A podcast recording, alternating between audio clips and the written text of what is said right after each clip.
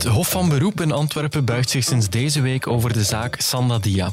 Het is meer dan vier jaar geleden intussen dat de toen 20-jarige student overleed tijdens een extreem doopritueel van de Leuvense studentenclub Reuzegom. Na een valse start in april vorig jaar is het proces nu dus eindelijk opnieuw begonnen.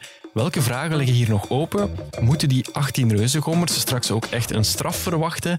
En is het inderdaad, zoals advocaat Sven Marie zegt, belangrijk dat hun identiteit bekendgemaakt wordt?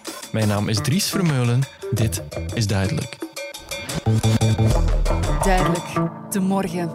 Ik denk dat het goed is uh, dat we kunnen starten, dat we kunnen pleiten in dit dossier. Het is goed voor alle partijen dat dat kan. En ik hoop en ik wens dat dat kan gebeuren in de grootste sereniteit. Ik hoop dat de rit begint en dat we ze uitdoen tot aan de finish. U denkt echt dat het tot de finish gaat hier, op dit niveau? Hoop ik. Dat hoop ik. Het wordt tijd. We zijn bijna vijf jaar verder. Het mag wel eens. Men spreekt over het dossier Reuzegom, maar studentenclub Reuzegom wordt zelf natuurlijk niet vervolgd. Het zijn 18 uh, leden hè, en het Hof zal voor ieder van die 18 leden moeten nagaan waar waren zij, wat hebben zij gedaan en dragen zij wel of niet individueel mogelijk verantwoordelijkheid voor het overlijden van Sandadia.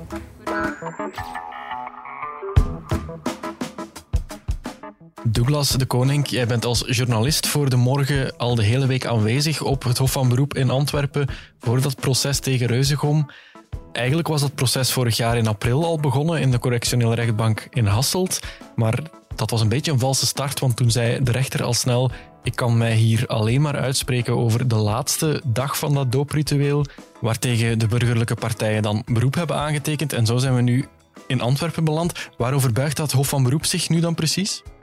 Daar is altijd heel veel discussie over. Er zijn een aantal uh, advocaten van de verdediging die nog altijd van mening zijn dat ze op het Hof van Beroep zitten om dat Hof van Beroep te laten beoordelen over de uitspraak die de rechter in Hasselt deed. Die op een gegeven moment zei van ja, hier op dat uh, requisitoor staat de vorstelaar 5 december 2018. Terwijl iedereen weet dat de doop bij Reuzegom ongeveer 48 uur daarvoor is begonnen met ja, de beelden die op een gegeven moment op VTM te zien zijn geweest. Van hoe die jongen uh, strompelt door de straten van Leuven, hoe die reuzengommers worden aangesproken. Ik denk dat dat voor de familie nog altijd het meest uh, determinerende element is in heel dit verhaal. Op een gegeven moment worden die jongens aangesproken door een uh, docente geneeskunde van mm -hmm. de KUL. Die zegt, wat zijn jullie aan het doen? Die zich heel expliciet zorgen maakt over Sandadia, die op dat moment een alarmerende alcoholintoxicatie hebben. Dat is in Leuven. En daar is er een van die studenten die haar wijs maakt dat hij geneeskunde studeert en dat het de doop ten einde is. Mm -hmm. En enkel nadat zij die vrouw, die dame daarvan hebben overtuigd, zal zij besluiten om tegen haar eerste bedoeling in niet naar de politie te bellen. Het is echt een zodanig cruciaal moment in, de, in heel dit drama dat je je niet kunt voorstellen dat er een rechter is die zegt van ja nee, door een foutje op dat, dat stukje papier hier kan ik daar niet mee over oordelen. Welke reuzegommer heeft op dat moment een dodelijke leugen uh, verspreid? Ja. Daar gaat het over. Ja. Maar dus ja, de familie van Sandadia is heel logisch in beroep gegaan tegen die statement van, van die rechter. Ja, en het Hof van Beroep in Antwerpen moest zich dan uitspreken over die beslissing van de rechter in Hasselt, of die correct was. Maar het lijkt er wel op dat dat, dat Hof van Beroep dan maar zegt, ja, dan trekken we ineens de hele zaak naar ons toe. Ja, het Hof, het hof in Antwerpen, um, als je die, die inleidende zitting hebt meegemaakt, voel je eigenlijk hetgeen, het absurde dat ik je net probeer uit te leggen, dat zij daar erg mee begaan zijn. Zij zeggen van, we zitten meer dan vier jaar na de feiten, uh, we gaan gewoon het proces hier voeren. Mm -hmm. zij aanvaarden dat de rechter in Hasselt ja, zichzelf buitenspel heeft gezet. Ik weet niet wat daar de exacte juridische term voor is, maar zo. Zij hebben gezegd, wij trekken het gewoon naar ons toe. We gaan hier de debatten voortzetten. Zodanig dat... Want elk van die jongens, van die reuzengommers, schermen met hun leeftijd. Uh, ze waren, de meeste waren 21, 20 of 22 jaar. Zijn dus nu 25, 26. Dat zijn heel determinerende leeftijden. Daar gebeuren dingen die bepalend zijn voor de rest van je carrière, voor de rest van je leven.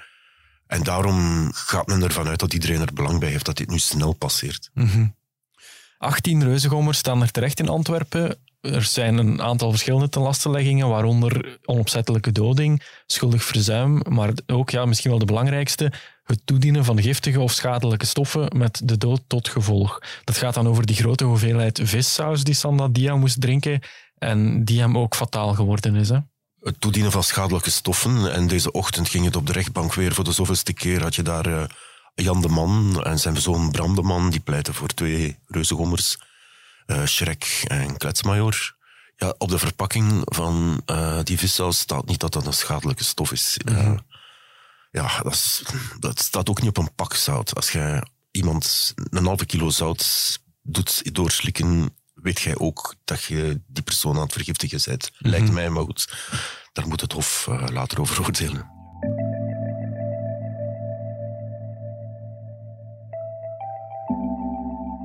Als we kijken naar ja, april, vorige, vorige pleidooien en als ze aan het woord kwamen, dan um, ben ik, ja, ja, als je daar naar luistert, dan ben je vrij zeker dat er iets niet klopt. Want de chronologie en de structuur van heel het verhaal, dat hangt met elke en ogen aan elkaar. De, de, dat, komt, dat, komt, dat klopt gewoon niet overeen, dat klopt niet. Dus dat is voor ons duidelijk genoeg dat er dan iets wordt achtergehouden. Maar wat wordt er achtergehouden? Wordt verantwoordelijkheid, verantwoordelijkheden achtergehouden? Wordt er echt effectief nog informatie van dingen die gebeurd zijn die we niet weten achtergehouden? Dat weten we niet. Douglas, de vrienden van Sandadia, Robert Claire en Lucas Serrien, die zaten deze week in de afspraak op VRT. Die zeiden op dat proces in april vorig jaar in Hasselt is eigenlijk heel veel verzwegen, is gelogen ook door reuzengommers. Er zijn veel vragen waarop we daar helemaal nog geen antwoord hebben gekregen. Wat zijn nu de dingen die we eigenlijk echt nog te weten willen komen in dit proces? Welke vragen zijn er nog? En, en ja, waarop hopen we nog een antwoord te krijgen? Ik denk ik heb niet het gevoel dat het gaat gebeuren hoor. Maar, maar je zou kunnen hopen vanuit de positie van vrienden en familie van Sandadia willen graag weten wie heeft het gesprek gevoerd met die Leuvense professor. Want die weten allemaal exact hoe laat ze zijn opgestaan, welke routes ze hebben afgereden, met welke auto's ze naar Vorstelaar zijn gereden. Dat is allemaal glashelder. Mm -hmm. Alleen het moment waarop ze daar met een kleine groep de drie schachten geknield, vlak voor de de fitness waar die mevrouw, de, de docenten, naar, vandaan kwam. Alleen op het moment dat, dat men vraagt van wie was daar aanwezig en wie heeft daar het gesprek gevoerd, uh, is het een cacophonie van wisselende versies. En lijkt het mij, ik, ik, doe al iets langer strafzaken dan vandaag, het is overduidelijk dat zij met elkaar afspraken hebben gemaakt om de, de waarheid uh, te verdoezelen. Mm -hmm. In Hasselt ging het daar dus minder over, ging het daar niet over zelfs. In Hasselt ging het, um, wou die rechter eigenlijk vooral vernemen van wie heeft die uh, bidon met vissaus genomen en die dan tegen de mond van Sandadia gezet. Daar ging het de hele tijd over. Terwijl hier in Antwerpen men meer een attitude heeft van er is een groepsdynamiek en daar zijn jullie allemaal samen verantwoordelijk voor. Het mm-hmm. gaat er niet om wie de, wie de dop er heeft afgedraaid en wie uh, de bidon in een positie van 45 graden heeft gezet, zo, om maar iets te zeggen. Mm-hmm. Mag de familie van Sandadia er nog op hopen dat er nog antwoorden komen in de loop van dit proces? Wat is daar precies gebeurd op die doop? Wie heeft wat precies gedaan? Zijn dat dingen die we ooit nog te weten zullen komen? Um, het is een beetje een persoonlijke dada van mij toen ik het dossier heb gelezen. Ik probeer altijd te zoeken naar objectieve parameters. Objectieve parameters, dat zijn berichtjes die je met elkaar stuurt. Dat zijn uh, ANPR-camera's. En wat mij enorm opvalt, is op een gegeven moment die avond, iets rond acht uur, zijn er... Um, ja, die, die reuzengommers, dat zijn niet bepaald mensen die met een, een duurzame wereld bezig zijn. Die hebben uh, voor een fortuin vlees gekocht bij de duurste slager die ze konden vinden, omdat ze gingen barbecuen. Maar ze bleken niet in staat om die barbecue aan de praat te krijgen. Dus op een gegeven moment werd het besloten, we gaan naar het frituur. En dan heb je twee reuzengommers, Pronker en nog een andere, sondage.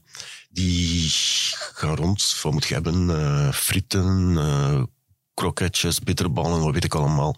En die gaan met een bestelling voor 18 uh, porties frieten gaan die naar het frituur. En die schakelen hun wees in. En daardoor kun je vrij exact zien wat er hoe laat gebeurt. En wat ik zie uit het dossier, is dat die twee gasten uh, op een gegeven moment terugkeren uit het frituur, komen aan op de dooplocatie in Vorstelaar en vanaf dan gaat het razendsnel. Pronker, die ene, die neemt de sleutels van de BMW van, van Strontvlieg. Dat is ook de auto waarmee ze naar het frituur ging, geloof ik. Of nee, dat is de auto waar het uh, Sandadia op dat moment ligt. Op een gegeven moment pakt die Pronker de sleutels en neemt die volledig het heft in handen. Gaat die, terwijl in Reuzegom wat je ziet, er geldt een enorme hiërarchie. Dat gaat, mensen worden daar gestraft omdat ze spreken zonder toestemming te spreken van de prezes. Maar hier gaat die pronker opeens alles naar zich toe trekken en die rijdt naar, naar het ziekenhuis. Ik heb de route overgedaan. Uh, ze gaat door een aantal zone 30's. Ik denk dat die gast 140 heeft gereden. Het tragische aan, aan de zaak zoals die nu voorligt is dat die pronker dat zelf niet gaat toegeven. Die gaat um, solidair met de anderen, uh, gaat zichzelf geen bijzondere rol toedichten. Ze sluiten de rangen om elkaar niet in gevaar te brengen. Sluiten de rangen. Dus de kans dat de echte waarheid hier aan het licht zal komen is dan ook eerder klein. Maar je ziet het ook. Ik bedoel, als ze de, de, de zaal verlaten, ze doen dat samen. Ze gaan samen afzonderlijk. Die vriendschap tussen die gasten is, is uh, ja, mm nog net zo stevig als, als vroeger.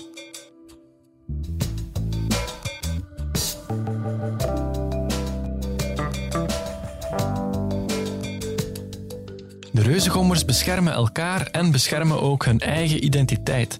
Het was een opvallend beeld bij hun aankomst aan het Hof van Beroep in Antwerpen. Allemaal droegen de beklaagden een pet, een sjaal of zelfs een paraplu om hun gezicht af te schermen van de camera's. Ook in de pers worden enkel de initialen of die bijnamen van de reuzengommers gebruikt. U kent ze intussen, Janker, Zaadje, Kletsmajor. En daar krijgen we als krant wel eens vragen over. Waarom worden de verdachten in deze zaak niet bekendgemaakt en in sommige andere zaken wel? Een woordje uitleg van Sarah van Leuvens, professor communicatiewetenschappen aan de Universiteit Gent en extern lid van de Raad voor de Journalistiek. Wat zijn daar rond nu precies de deontologische regels? Algemeen vertrekt ook de code van de Raad voor de Journalistiek vanuit het vermoeden van onschuld. Dat iemand zolang die niet veroordeeld is, dat hij het recht heeft om niet geïdentificeerd te worden. Maar er zijn wel een aantal zaken waarin dat, uh, waarmee rekening wordt gehouden in de code van de Raad voor de Journalistiek, waarbij journalisten daar kunnen van afwijken. Er worden een aantal uitzonderingen gemaakt en er worden ook ja, verschillende opties meegegeven. Journalisten kunnen eigenlijk beslissen ofwel om iemand volledig niet te identificeren, om die gedeeltelijk te identificeren, bijvoorbeeld door enkel, hè, dat zie je soms, enkel de voornaam te geven en dan de eerste letter van de familienaam, eventueel de woonplaats, maar voor de rest eigenlijk geen verdere info te delen of er kan overgegaan worden tot volledige identificatie. En daar is de, de Raad voor de Journalistiek ook bij haar uitspraken wel rekening met een aantal ja, omstandigheden waarbij dat er tot verdere identificatie kan overgegaan worden. En de eerste is bijvoorbeeld de ernst van de feiten. Er wordt gekeken naar zijn het feiten die een uh, maatschappelijk belang hebben.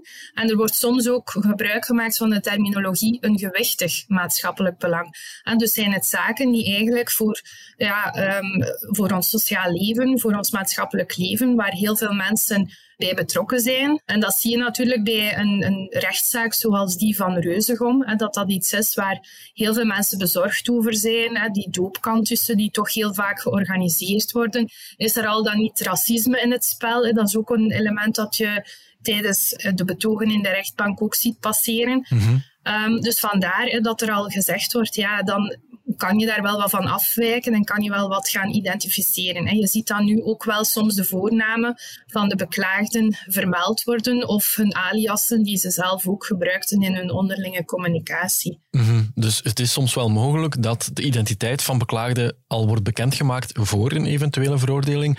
Bijvoorbeeld als het over een zaak gaat met een groot maatschappelijk belang, of ook wel als het ja, om bekende personen gaat, of om een zaak die zeer lang in de media komt. Is het mogelijk dat dat ook in dit proces zou gebeuren? Kan het in principe dat de beklaagden hier ja, met hun volledige naam en foto in de krant komen? Ja, het kan dat het zou gebeuren. Ehm, maar in dit geval denk ik wel dat het zo is dat er nog heel veel onduidelijkheid is hè, over de betrokkenheid van elk van die individuele personen. Het gaat over een groepsproces waar um, in totaal 18 beschuldigden bij betrokken zijn. De gesprekken in de rechtszaal gaan nu ook heel erg over ja, wie heeft welke rol gespeeld. Zijn sommigen meer of minder verantwoordelijk? Had iemand stop moeten of kunnen zeggen? Dus er zijn nog heel veel onduidelijkheden en ik denk dat het in deze zeker wel aangeraden is om voorzichtig te blijven en die mensen niet volledig te gaan identificeren. Het gaat ook om heel jonge mensen die um, ja, mogelijk ook uh, ja, in een proces van groepsdruk betrokken zijn geraakt, wat, wat niks goed spreekt, maar die anderzijds ook wel nog een, een, een heel leven voor zich hebben. En als je natuurlijk in de media die namen volledig gaat publiceren, dan krijgen zij ook wel die stempel. En dan dragen ze dat ook wel niet voor de rest van hun dagen. Ja, en dat is trouwens waar Sven Marie bijvoorbeeld, een van de advocaten van de familie van Sandadia, expliciet voor pleit. Hij zegt, die jongens moeten een brandmerk krijgen. We moeten weten wie ze zijn straks, want ze zijn gevaarlijk voor de maatschappij. Lopen we zo misschien het gevaar dat we als pers dan ja, hen eigenlijk nog een extra straf gaan bijgeven door hun gezichten en hun namen overal bekend te maken? Um, ja, dat is inderdaad uh, een bedenking, maar dat is iets wat dat heel veel mensen uh, die veroordeeld zijn met zich meedragen. Hè. En, en dat is denk ik een deel van het gerechtelijk proces ook, hè, dat je die stempel krijgt um, binnen de maatschappij. En nieuwsmedia kunnen daar een rol in spelen. Langs de andere kant moet je ook denken van dat is nu een case die heel uitgebreid in de media komt en die heel sterk opgevolgd wordt, maar het zijn nog heel jonge mensen die daarbij betrokken zijn. Um, Oké, die verhalen zullen bewaard worden in de archieven. Maar uh, wie gaat zich binnen 10 of 20 jaar nog herinneren wie allemaal bij die zaak betrokken was? Hè? Dus dat is nu even dat er heel intens op gefocust wordt en um, dat dat brandmerk inderdaad gegeven wordt. Maar dat is um, wel niet iets wat de rest van hun leven zo zwaar zal blijven doorwegen. En, het internet uh, vergeet wel niet. Hè? Dit verhaal met hun naam erbij zal altijd vindbaar blijven op het internet. Het zal vindbaar blijven, maar ook daar uh, zijn er wel richtlijnen. Hè? Zowel um, ook, ook binnen de deontologie, het recht om vergeten te worden, is ook zoiets. Hè? Dus daar zien we ook af en toe klachten bij de Raad voor de Journalistiek rond. Wanneer het gaat om hele oude uh, zaken, hele oude rechtszaken, die telkens opnieuw worden opgerakeld. Um, en ook in de archieven van de nieuwsmedia bewaard worden en terug uh, opgerakeld worden. Ook daar kan je wel vragen om dat niet meer te doen.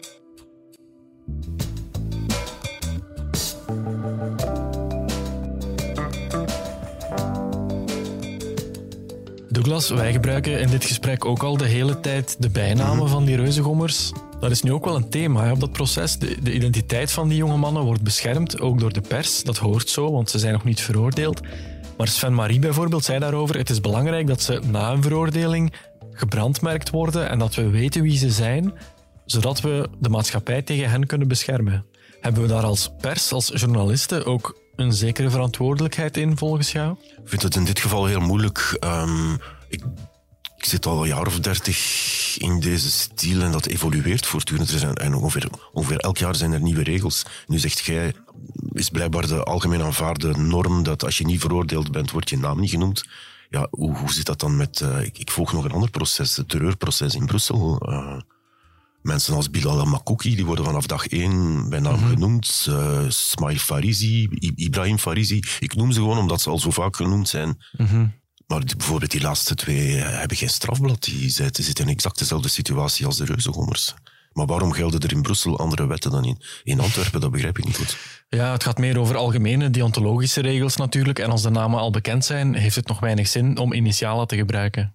Wel, in de, in, de zaak van Reuzegom zijn we we hebben wel een paar keer van koers veranderd. Ik, ja. Een aantal media hebben op een gegeven moment een ex-prezes, de auteur van het draaiboek bij naam genoemd. Uh, de zoon van de provinciegouverneur. Mm -hmm.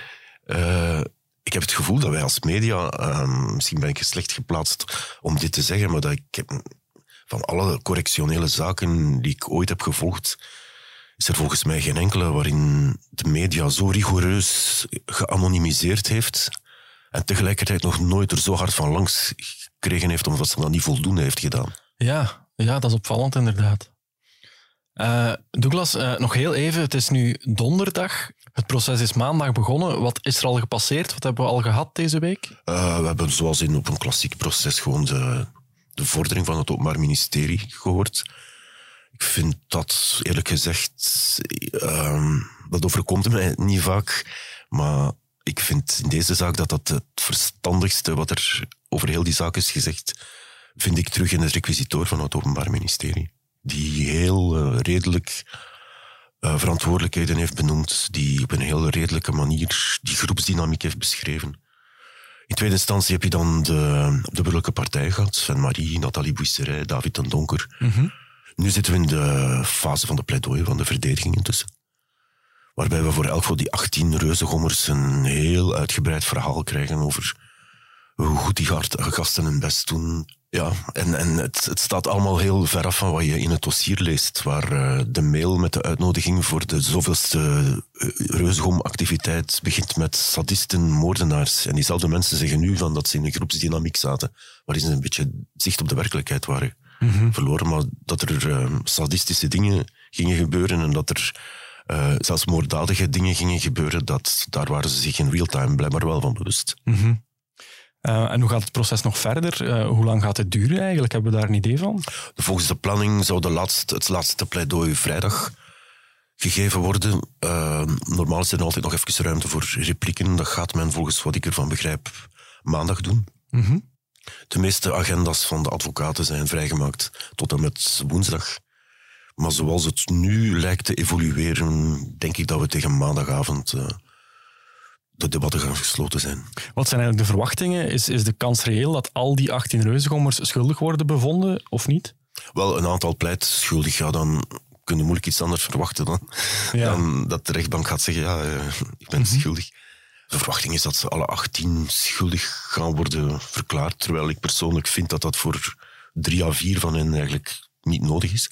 Maar je hebt er ook een verdachte die een heel beperkte rol heeft gehad in het geheel. Het is eigenlijk zo, hoe, hoe kleiner de rol, hoe, hoe minimaler de rol van, van de reuzegommer, hoe harder hij uh, zich staat te pleiten dat hij schuldig is. Dat is mm -hmm. absurd.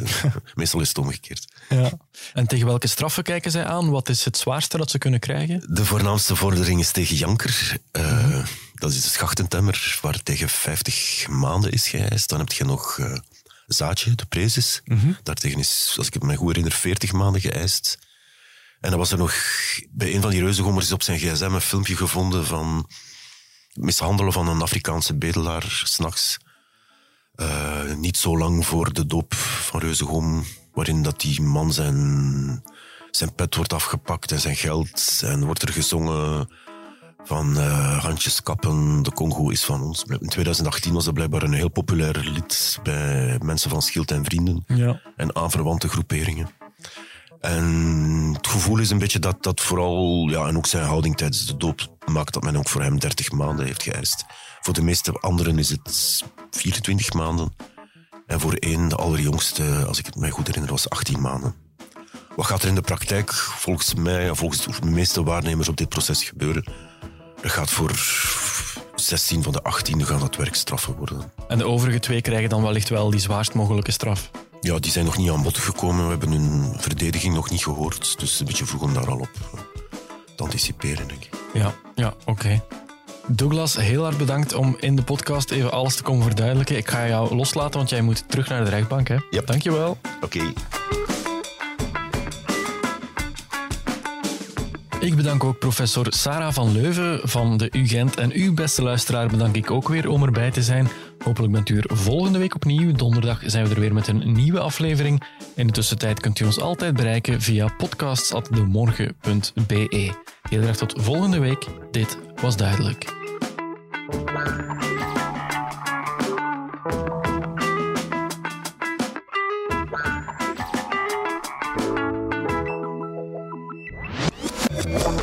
Duidelijk. De morgen.